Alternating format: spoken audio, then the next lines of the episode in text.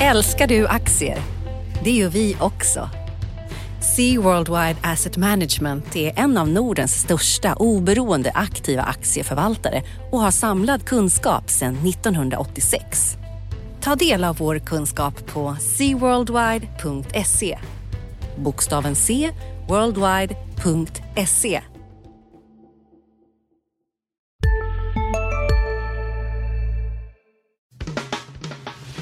Analyspodden från Dagens Industri. Hej allihopa där ute! Ulf Pettersson heter jag och det betyder att du lyssnar på Dagens Industris analyspodd och med mig i studion denna torsdag eftermiddag har jag ingen mindre än Johanna Jansson. Hej Johanna! Hej Uffe! Och när du och jag är i studion tillsammans, då betyder det att vi kan prata både börs, och det ska vi göra, eller hur? Mm. Lite specifika bolag. Det finns några rapporter till och med som har kommit i veckan. Det är några, finns den här, rapportfloden är en Mm. liten rännil nu, men det har kommit några stycken. Mm. Och sen så ska vi prata lite makro och centralbanker. Det är, och kanske lite handelskrig. Det är det som eh, får börsen att eh, vara lite ambivalent just nu kan man säga, eller hur? Ja, och eh, denna dag så är det faktiskt uppåt här eh, till följd av att handelskriget kanske inte är lika mycket krig som, som för några dagar sedan. Det där kan ju hända, eh, ändra sig snabbt. Det, det vet man ju aldrig Men då kanske vi ska passa på att säga att när vi står här i studion så är det då torsdag eftermiddag och eh, det är lite tidigare än vad vi brukar spela in eh, eh, analyspodden. Men eh, vi kan fortfarande gå igenom några av de viktigaste händelserna i veckan som varit och blicka framåt till veckan som kommer, eller hur? Det tycker jag. Ska vi till och med köra igång eller är det något annat du vill säga lyssnarna innan Nej. vi... Jag tycker vi kör igång direkt. Börsen är lite upp nu. Vad är det som händer? Varför det är just nu? Just nu är det eh, just eh, att eh, det är en, en, ska vi säga, en, en mer försonlig stämning rapporteras det om mellan eh, USA och Kina i de här handelsförhandlingarna som, som, eh, som pågår då eller ska, ska återupptas så småningom. Eh, och det är ju en, en, så att säga, en scenförändring jämfört med i, i eh, eh, förra veckan här fredags när Trump eh, nästan fick eh, något slags tantrum där på Twitter och eh, förklarade krig mot, mot både Fed och Kina samtidigt. Men eh, det är lite lugnare nu. Helgen, eh, helgen eh, gjorde att, att känslorna eh, blev eh, stillades lite och så har vi faktiskt haft en uppgång som det ser ut hittills den här veckan. Mm. Och sen så, jag träffade en eh, räntestrateg från eh, London förra veckan som vi, vi hade med en intervju då i veckan i Dagens Industri.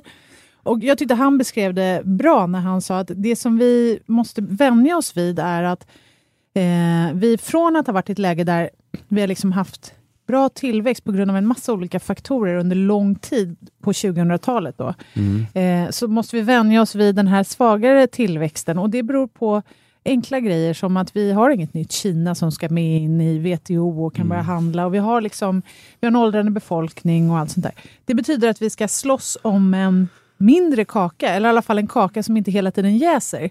Och i det här slagsmålet så blir det just den här typen av, men det blir vi bråkar om terms of trade, alltså vad heter det, handelsrelationer eller liksom handelsvillkor. Det kommer säkert, det är lite av ett valutakrig. Det är till och med så att eh, USAs finansminister bara häromdagen sa att valutainterventioner för att försvaga dollarn inte är aktuellt. Men bara det faktum att han ens tar upp det, är så här, det visar ju att Att, i ett sånt tanken läge, finns. Liksom. tankarna finns. Och sen poängterade han också, Matt King heter han, den här strategen som jobbar på eh, storbanken City, han poängterade att ja, men det är även så på finansmarknaden och även för företag, man jagar ett, en, ett mindre antal affärer. Vi är lika Mm. många aktörer som ska jaga ett minskande, eller i alla fall inte lika snabbt ökande antal affärer. Så det här är, och då, då blir det den här stämningen. Mm. Och, och, och det är en King där. Eh, och han såg den här låg, lågtillväxtmiljön då som vi, som vi är på väg in i. Eh, den är så att säga varaktig. Du pratade om 20 år av god tillväxt, eh, kanske inte just då 08 och 9 och sådär, men ändå är liksom en, men fram tills dess ungefär. en fram till dess. Eh, är det liksom är det sådär 1-2 procents BNP-tillväxt som kommer vara liksom grejen då helt enkelt? Men det, det ser ju ut så. Eller ja, en till två kanske i Sverige, men sen finns ju andra länder som växer snabbare. Ja. Men, men vi har ju taktat ner, eh, och så är det absolut. Och eh, samtidigt så är man då så här, Ja, kan vi ändra på det här? Mm. Ja, det kanske vi kan, men hur då? Nu har, är ju verkligen, tycker jag, så här, marknaden är obehagligt mycket i greppet på, eller liksom i central... Man tittar så mycket på centralbankerna och hoppas på nya stimulanser där. Men det är ju en jättestor skillnad idag jämfört med kanske hur läget var när det var finanskris och sådär. Mm alltså Jerome Powell och Stefan Ingves och Mario Draghi, de kan inte göra så här jättemycket mm. åt att bromsa Trump och allt det här andra som påverkar just mm. nu. Det är en helt annan grej om de ska liksom sätta in nya stimulanser för att eh, liksom mildra effekten av en finanskris. Det här är ju någonting annat. Och då vet jag inte, då tror jag det, vi har lite för höga förhoppningar på vad de faktiskt ska, ska kunna åstadkomma. Mm. Därför nu är det ju, Fed har sänkt en gång, de, har ju lite, de kan ju sänka igen såklart, mm. men men, eh, och sen så eh, har vi då, eh, bland nästa veckas viktigaste händelser så har vi ett räntebesked från, eh, i Sverige den 5 september. Och då väntar sig de flesta att Riksbanken åtminstone ska justera sin ränteprognos, så att de inte tror på räntehöjningar längre. Men jag vet inte, vad ska de, hur mycket kan de göra åt något håll ändå? Ja. Men eh, ja, vad betyder det här då? Ja, jag vet inte. Vad betyder det här? Hur ska man tänka på börsen då? Om det är lite så här jolmigt och eh, liksom svagare konjunktur, centralbanker som är lite bakbundna. Vad, eh, hur tänker du? Ja, det var, allt handlar liksom om vilket tidsperspektiv man har då, men det som jag tycker har varit, blivit mer och mer klart här senaste månaden är ju att den här, eh, och jag kunde aldrig tänka mig att, att lågräntetiden skulle vara så länge och just nu ser det inte ut att finnas någon bortre gräns på riktigt låga marknadsräntor. Nej, nu börjar man ju prata om att man skulle kunna låna på 100 år även i Sverige. Och så. Det är väl bara att passa på tänker jag. Eller, alltså, ja, oj, varför ska jag låna? Ett... Inte du, men staten.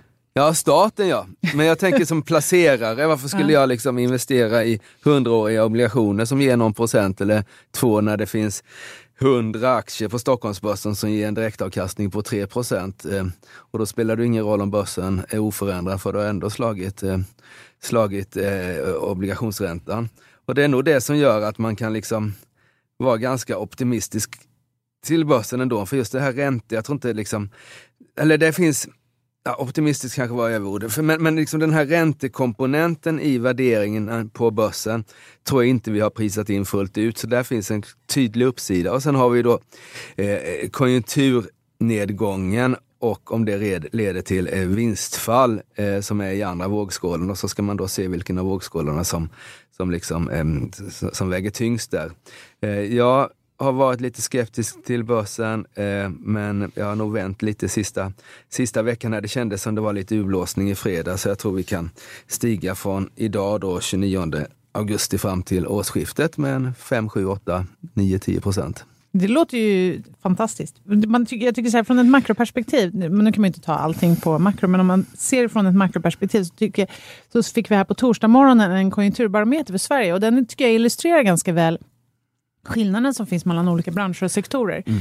Därför att det som, eh, som syns är att eh, Tillverkningsindustrin har ju drabbats hårt och alltså mm. de här cykliska tillverkningsbolagen de har ju drabbats hårdare av det här med handelskonflikt mm. och den här inbromsningen internationellt och sådär. Mm. Och det är rimligt. Däremot så går andra delar eh, mer inhemskt... Eh, Tjänster liksom, och service och sånt där? Ja, tjänster är lite klurigt för att till exempel så är Ericsson ett bolag som vi ändå tänker på kanske som ett, inte tillverkningsföretag, men de räknas ju i mycket svensk statistik just nu som ett tjänsteföretag. Ja. Så tjänstesektorn är också lite svagare än normalt just i den här mätningen, men bygg, detaljhandel och sånt går relativt sett bättre. Så att eh, det syns ju de här. Så om man tänker så då, då, om man vill titta på börsen, ja, vilka vilka branscher ska man då vara intresserad av? Ja, men vad är det som växer oavsett konjunktur mm. och slag och sånt där? Och då finns det ju ett par sådana som har rapporterat i veckan, eller hur? Ja, det finns det ju. Eh, något som växer oavsett konjunktur och som kom idag på morgonen här i Academedia som hade en tillväxt på en organisk tillväxt sen så, eh, på en 6 procent. Eh, rapporten var ändå lite sämre än vad marknaden hade trott, eh, trots att vinsten ökade med 12 procent. Men, men eh, det där bolaget, och här finns ju en politisk risk då, men det som jag tycker är det verkligt intressanta i Academedia framöver är deras eh, förskolesatsning i Tyskland. Och den är inte så politiskt eh, ska vi säga, känslig. Berätta om den. Vad är det de gör där som är den, alltså små, riktigt, för riktigt små barn? Ja, precis. Mm. Eh, sådana som inte har börjat skolan än, utan mm. går på dagis som det hette förr i tiden.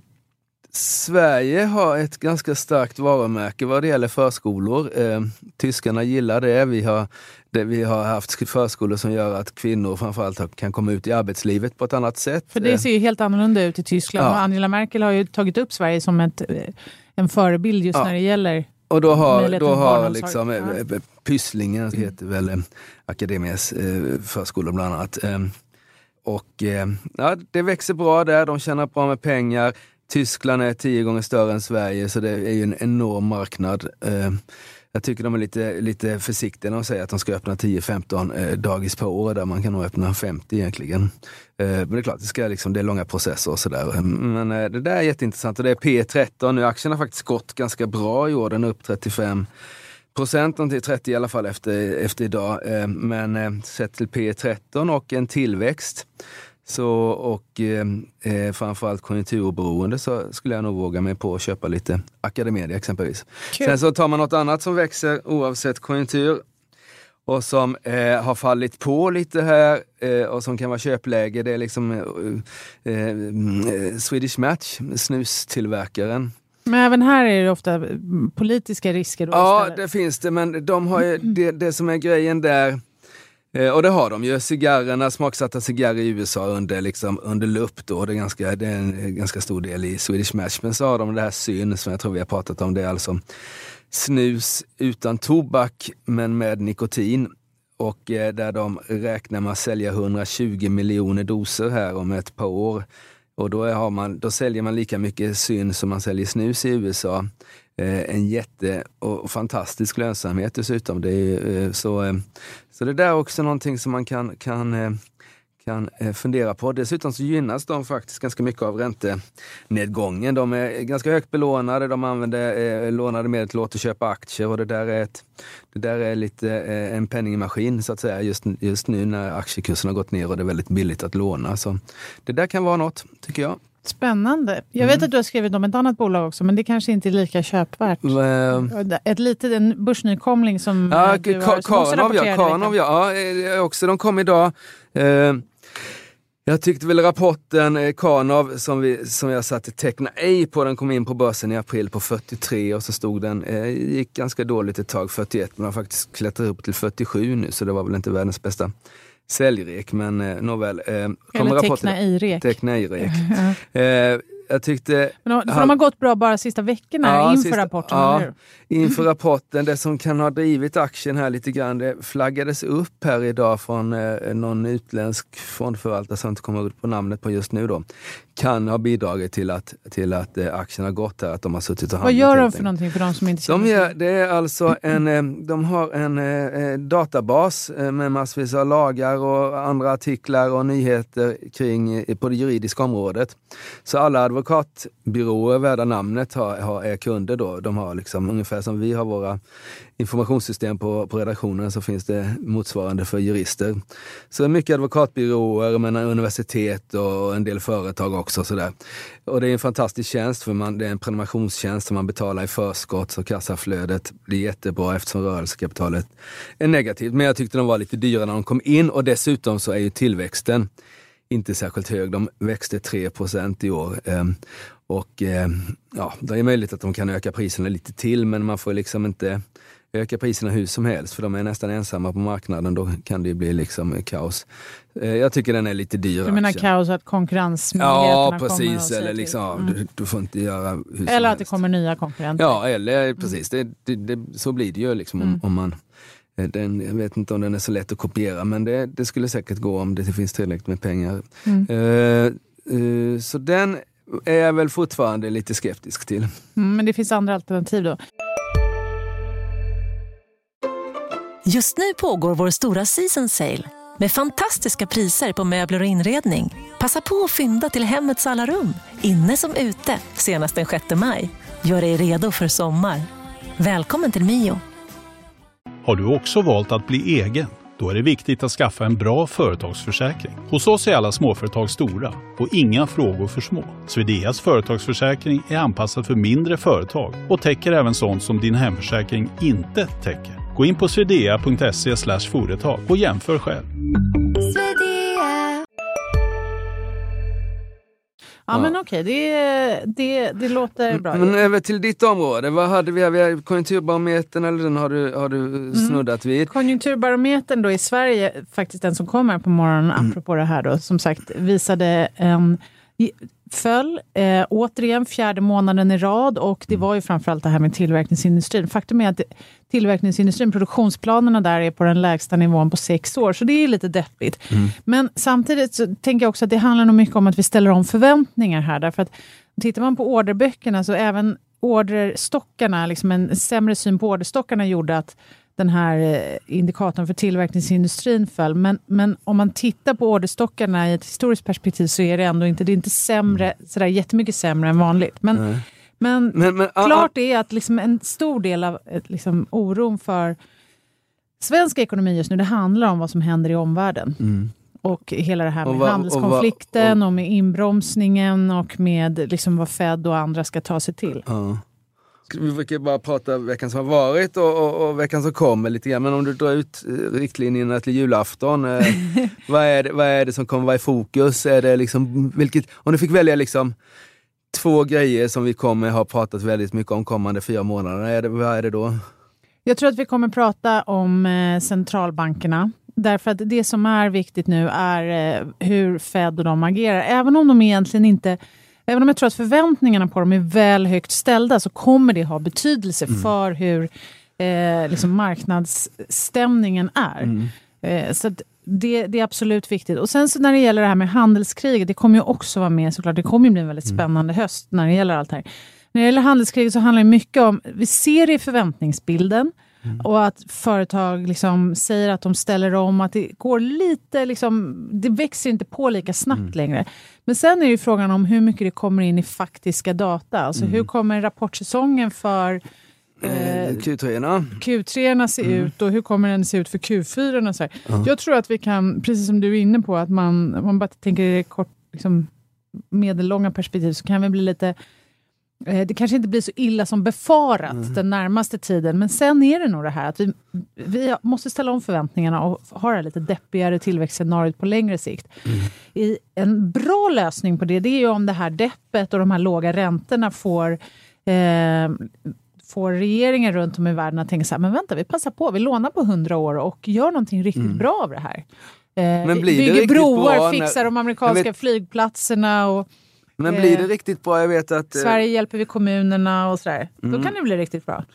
Ja, kan det för vår eminente ledarskribentschef där han tycker vi ska satsa många hundra miljarder på tåg och sånt där. Är det liksom, jag, jag blir bara lite orolig när, när, det liksom, när staten ska spendera... Ja, men, och det, det är en relevant oro. För att, jag menar, just höghastighetståg kanske inte står på min önskelista över grejer som man ska satsa sina pengar på. Men, och det är ju det som är kruxet, att om man lägger över ansvaret på folkvalda politiker att eh, göra saker så är det två stora risker. Det ena är att de inte gör någonting alls och den andra risken är att de gör fel. Ja. För att, men, eh, men, men det är ändå så att i det här läget där vi är, med en, liksom en låg tillväxtekonomi, med eh, eh, låg inflation och redan låga räntor. Alltså det är inte så mycket mer vi kan göra. Och tror vi att centralbankerna ska lösa allt det här, då, är, då blir det bara pannkaka. tror jag. Det- Glömde du bort eller spelade du ner Brexit exempelvis som bör väl eh, hända någonting i december? Ja, nej men absolut. Det, nej, jag, det spelade jag inte bort. Men jag, på något sätt så lägger in det här i den här globala okej. politiska stöket. För då kan man ju också lägga in Italien. Nu senast bara här i veckan så, eh, så fick det politiska kaoset en, en tillfällig paus för att Femstjärnerörelsen bildar ny regering med eh, det demokratiska partiet. Så att, eh, men, men Italien är en sån grej för Europa. Brexit, absolut. Där är det ju stök nu. och eh, Eh, liksom, risken är absolut stigande för att det blir en hård Brexit och eh, den brittiska premiärministern igår fick liksom stå och förklara varför parlamentet ska stänga fem veckor från och med början av september. Jag tycker det var en kreativ lösning om man nu, om man, som, som han har. Liksom, han, han har ju som mål att göra en hård Brexit och det är Ja. klart att det var väl en smidig lösning att helt enkelt entlediga de som ska rösta. Ja, men det här är absolut en, en, eh, en, en risk. Och, så att den internationella politiken, eh, centralbankernas krumbukter i att försöka hantera det från ett makroperspektiv och sen faktiskt hur det här kommer ge utslag i makrodata under hösten. Jag tror kanske att det kan bli bättre än befarat, men det är mycket som tynger ändå. Det är svårt att vara superoptimistisk. Nej. men jag tycker, nej det är svårt att bli superoptimist och det kommer nog en ny oro, men jag tycker ändå eh, att det känns, man, man är, människan är ju fantastisk på så sätt liksom att man vänjer sig. Eh, eh, nu var det, kändes det väldigt skakigt i slutet av förra veckan, men den här veckan känns mycket lugnare. Det känns som det har blivit lite mer sans och balans mellan Kina och, och Trump. Men det kan ju säkert ändra sig igen. Men det finns ju liksom, eh, ja, jag, jag, är, jag har blivit, denna vecka har jag blivit lite mer börsoptimist på, ska vi säga, tre, fyra, fem månaders sikt. Sen, sen får vi se vad resultaten säger i Q3. Det, det var ju, eh, Q2 var ju den sämsta rapportperioden på, på ett bra tag och det finns väl ingen anledning att tro att Q3 liksom vänder utan tvärtom den där trenden nedåt kommer fortsätta framförallt i verkstadsindustrin. Mm. Nästa vecka då, har du några grejer som händer då? Ja, från min börshorisont så har vi faktiskt, nu blir det liksom en, en sån här mellanvåg av, av rapport, rapporter, de här brutna. Vi hade ju SAS faktiskt, kom ju här, men då har vi Clas Olsson, eh, prylkedjan Clas Olsson som kom med rapport, är ju intressant. Eh, har ju ett rejält jobb att göra där genom att eh, backa ur internationellt. Eh, satsar på e-handel och så har de investerat i, i Mathem då, så de ska börja skicka skiftnycklar med, med mjölkpaket, mjölkpaketen och sådär. Så det är en, det är en intressant eh, en intressant resa. Jag gillar Lotta Lyro som är vd där. Hon har inte varit där så länge av inte. Men eh, ja, jag, är inte helt, jag är inte helt negativ till Clas Ohlson. Ska bli kul att läsa. Ja, Spännande. Är det någonting, vad tror du om alla de här vd-bytena som är på gång? Ja, de då? måste vi prata om. Ja, det, är ju, det där är ju faktiskt veckans grej och det kommer nog kanske vara nästa vecka grej också. Vi hade ju, ja det började väl egentligen i, men det var nog förra veckan när ABB fick en ny vd här i Sandvik-chefen. Björn Rosengren och sen har det fortsatt här då med eh, eh, Håkan Buske som ska lämna Saab.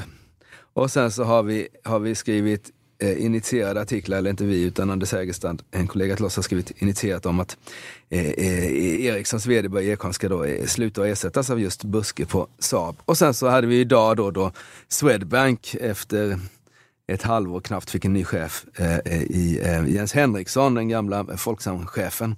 Eller han är inte så gammal, men han, han har varit före på Folksam. Detta. Mm. Före detta, snart före detta. Ja. Och det där är jätte, man kan prata liksom, kan förlänga på den en timme och jag pratar om det här. Eh, det är lite delade åsikter skulle jag säga i, i eh, kanske på redaktionen huruvida det här med Jens Henriksson var bra. Eh, det är klart att det är ju ett det är ett delikat ämne när Jens Henriksson först utser Göran Persson till styrelseordförande och sen så två månader senare utser Göran Persson Jens Henriksson och till... när dessutom en del av kritiken Ja. mot Swedbank har varit just den här eh, ska man säga, kletiga sambanden. så det kan man ju förstå. Det låter ju lite liksom Putin som liksom byter ibland mellan liksom, eh, president och premiärminister och så. Eh, men, eh, ja, men jag tycker, jag förstår Göran Persson som är ordförande i Swedbank att han vill ha någon på vd-posten som han litar på. Jag tror att han, eh, Jens Henriksson tror jag han litar väldigt mycket på det. Det, det är uppenbart. Eh, de har jobbat ihop och, och, och, och Och han har ett stort internationellt kontaktnät. Ja, och- sådär. Så ja, jag tror att eftersom Göran Persson fått in liksom någon bankman som inte Göran Persson känner och den liksom, ska vi säga, det informationsunderskott som Göran Persson skulle ha emot en sån vd, det tror jag inte liksom Göran Persson vill sätta sig utan vill ha någon som han litar på.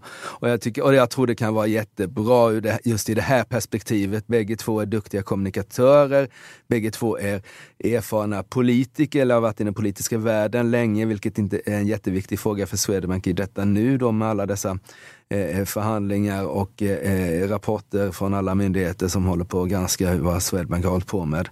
Eh, eh, så jag tror det är helt rätt. Marknaden var väl inte superhåsad på det här beskedet. Eh, eh, Swedbank gick lite sämre än de andra bankerna idag, det var inte jättemycket men lite och det kan man väl ta med att jag tror det där beror dels på att eh, Swedbanks kris, det sa ju till och med Jens Henriksson att det är kris i Swedbank, att just, just eh, att den kom upp i ytan igen, att ja det är ju faktiskt kris. Eh, eh, att man började tänka på det plus att man kanske inte ser Jens Henriksson som den som ska, är, är kapabel att vinstoptimera banken utan det är en annan typ av ledare. Så det gjorde väl marknaden inte besviken. Men det kanske Hur ska man lite... tänka då som eh, om man är sparare eller ja, men alltså, så? Swedbank gäller... är ju ett, ett känsligt, alltså Swedbank är en högriskaktie. Alltså, mm. Risken är väl inte liksom jättehög att det liksom går åt pipan men den finns där. Mm. Liksom. Mm. Men jag tänker även och... med andra, det är massa andra bolag som eh, som du var inne på, vi har Sandvik, förutom Swedbank, då, mm. Sandvik, så är det Stora Enso, Telia, eh, Saab då eftersom Håkan Buske är på väg ut, Nordea ja. där Kasper von Koskull också är på väg och sådär. Att det är så många som, hur ska man tänka kring de här bolagen? Ska man avvakta tills man vet vem det blir? Och, Ska man då liksom sitta och trycka ja, på? Men det, finns, det, finns, det var faktiskt Micke Wilenius som gjorde en intressant körning eh, för ett tag sedan där han sa att aktiemarknaden har en otrolig näsa att första reaktionen eh, på ett vd-byte, så blir fortsättningen också. Så om en aktie sjunker på nyheten så fortsätter den gå dåligt. Mm. Eh, och då kan vi ta veckans händelse då. Då hade vi en nedgång i Ericsson på 2 3 procent eh, eh, på beskedet, på rykte, på, ja, på, på vår artikel helt enkelt om att eh, Ekholm ska ersättas mm. av Buske. Blir det, blir det ett konstaterat faktum så kommer Ericsson falla lite mer på mm. det. Eh, tar vi då Jens Henriksson så hade vi faktiskt, nu kanske aktien stiger idag för det är en väldigt stark börsdag, men den har gått sämre. Då skulle man liksom enligt Micke Wilenius spaning så skulle då Swedbank vara en dålig, dålig aktie här framöver och sådär. Och sen så är det spännande med vd, så här är det väl att, att viktigast av allt är att man har en bra företagskultur. En bra företagskultur klarar av en dålig vd, dålig VD mm. under ett tag. Mm. Två, tre, fyra, fem år. En bra vd och dålig företagskultur blir jobbigt men, men, men, men, men en bra vd är ändå bättre än en dålig vd. Jag tror att, jag tror att och det är väl något som jag har Eh, eh, lärt mig eller något som jag har liksom stärkts i min tro att en bra VD är hyggligt mycket viktigare för ett företag än vad man kanske liksom tror. Man tänker att det är ju en människa av dessa mm. hundratusen, men som sätter, liksom, sätter så mycket i väggarna och vågar ta en del eh, både modiga och eh, jobbiga beslut. Eh, eh, det är ganska avgörande faktiskt. Mm. Ja, men det, eh, jag tycker det låter som en bra spaning inför veckan som kommer. Du får hålla utkik på de här andra ja, bolagen. Ja, det, visst. Det, mm. Vi får se här. Vi har ju Telia saknar, ska ha en VD. Eh, 2020 slutar Dennelind. Mm. Nordea är ju intressant förstås. Sandvik är ju jätteintressant. Och det där, så det kommer säkert toppa tidningarna framöver också, mm. eh, storbolagsdirektörer. Eh, med det så tycker jag vi rundar av. Det gör vi. Och eh, jag kommer inte spela in så många analyspoddar eh, framöver. Nej, det kommer inte jag det. Jag ska byta jobb. Ja, och det tycker vi är supertråkigt allihopa. Ja, men jag ska fortsätta jag. lyssna på analyspodden. Ja, ja, vi kanske får bjuda in dig någon gång. ja, det vore kul. Och sen ja. så kan man ju också lyssna på våra andra poddar, eller hur? Ja, det kan man göra. Och, eh, det, vi har ju mängder av poddar nu. Eh, vi har Förnuft och känsla. Makrorådet. Makrorådet. Sen har vi en daglig podd också. Morgonkoll. Morgonkollen. Mm. Inte och minst Digitalpodden. Digitalpodden, ja. Yes. Eh, nyhetsledande mycket. Mm. Så eh, det får det ni göra. göra. Ha det gott så länge. Ja, ha det bra och lycka till eh, Johanna. Ja, och alla ni lyssnare ute, ha en skön helg. Tack, hej. Analyspodden från Dagens Industri. Programmet redigerades av Umami Produktion. Ansvarig utgivare Peter Fellman.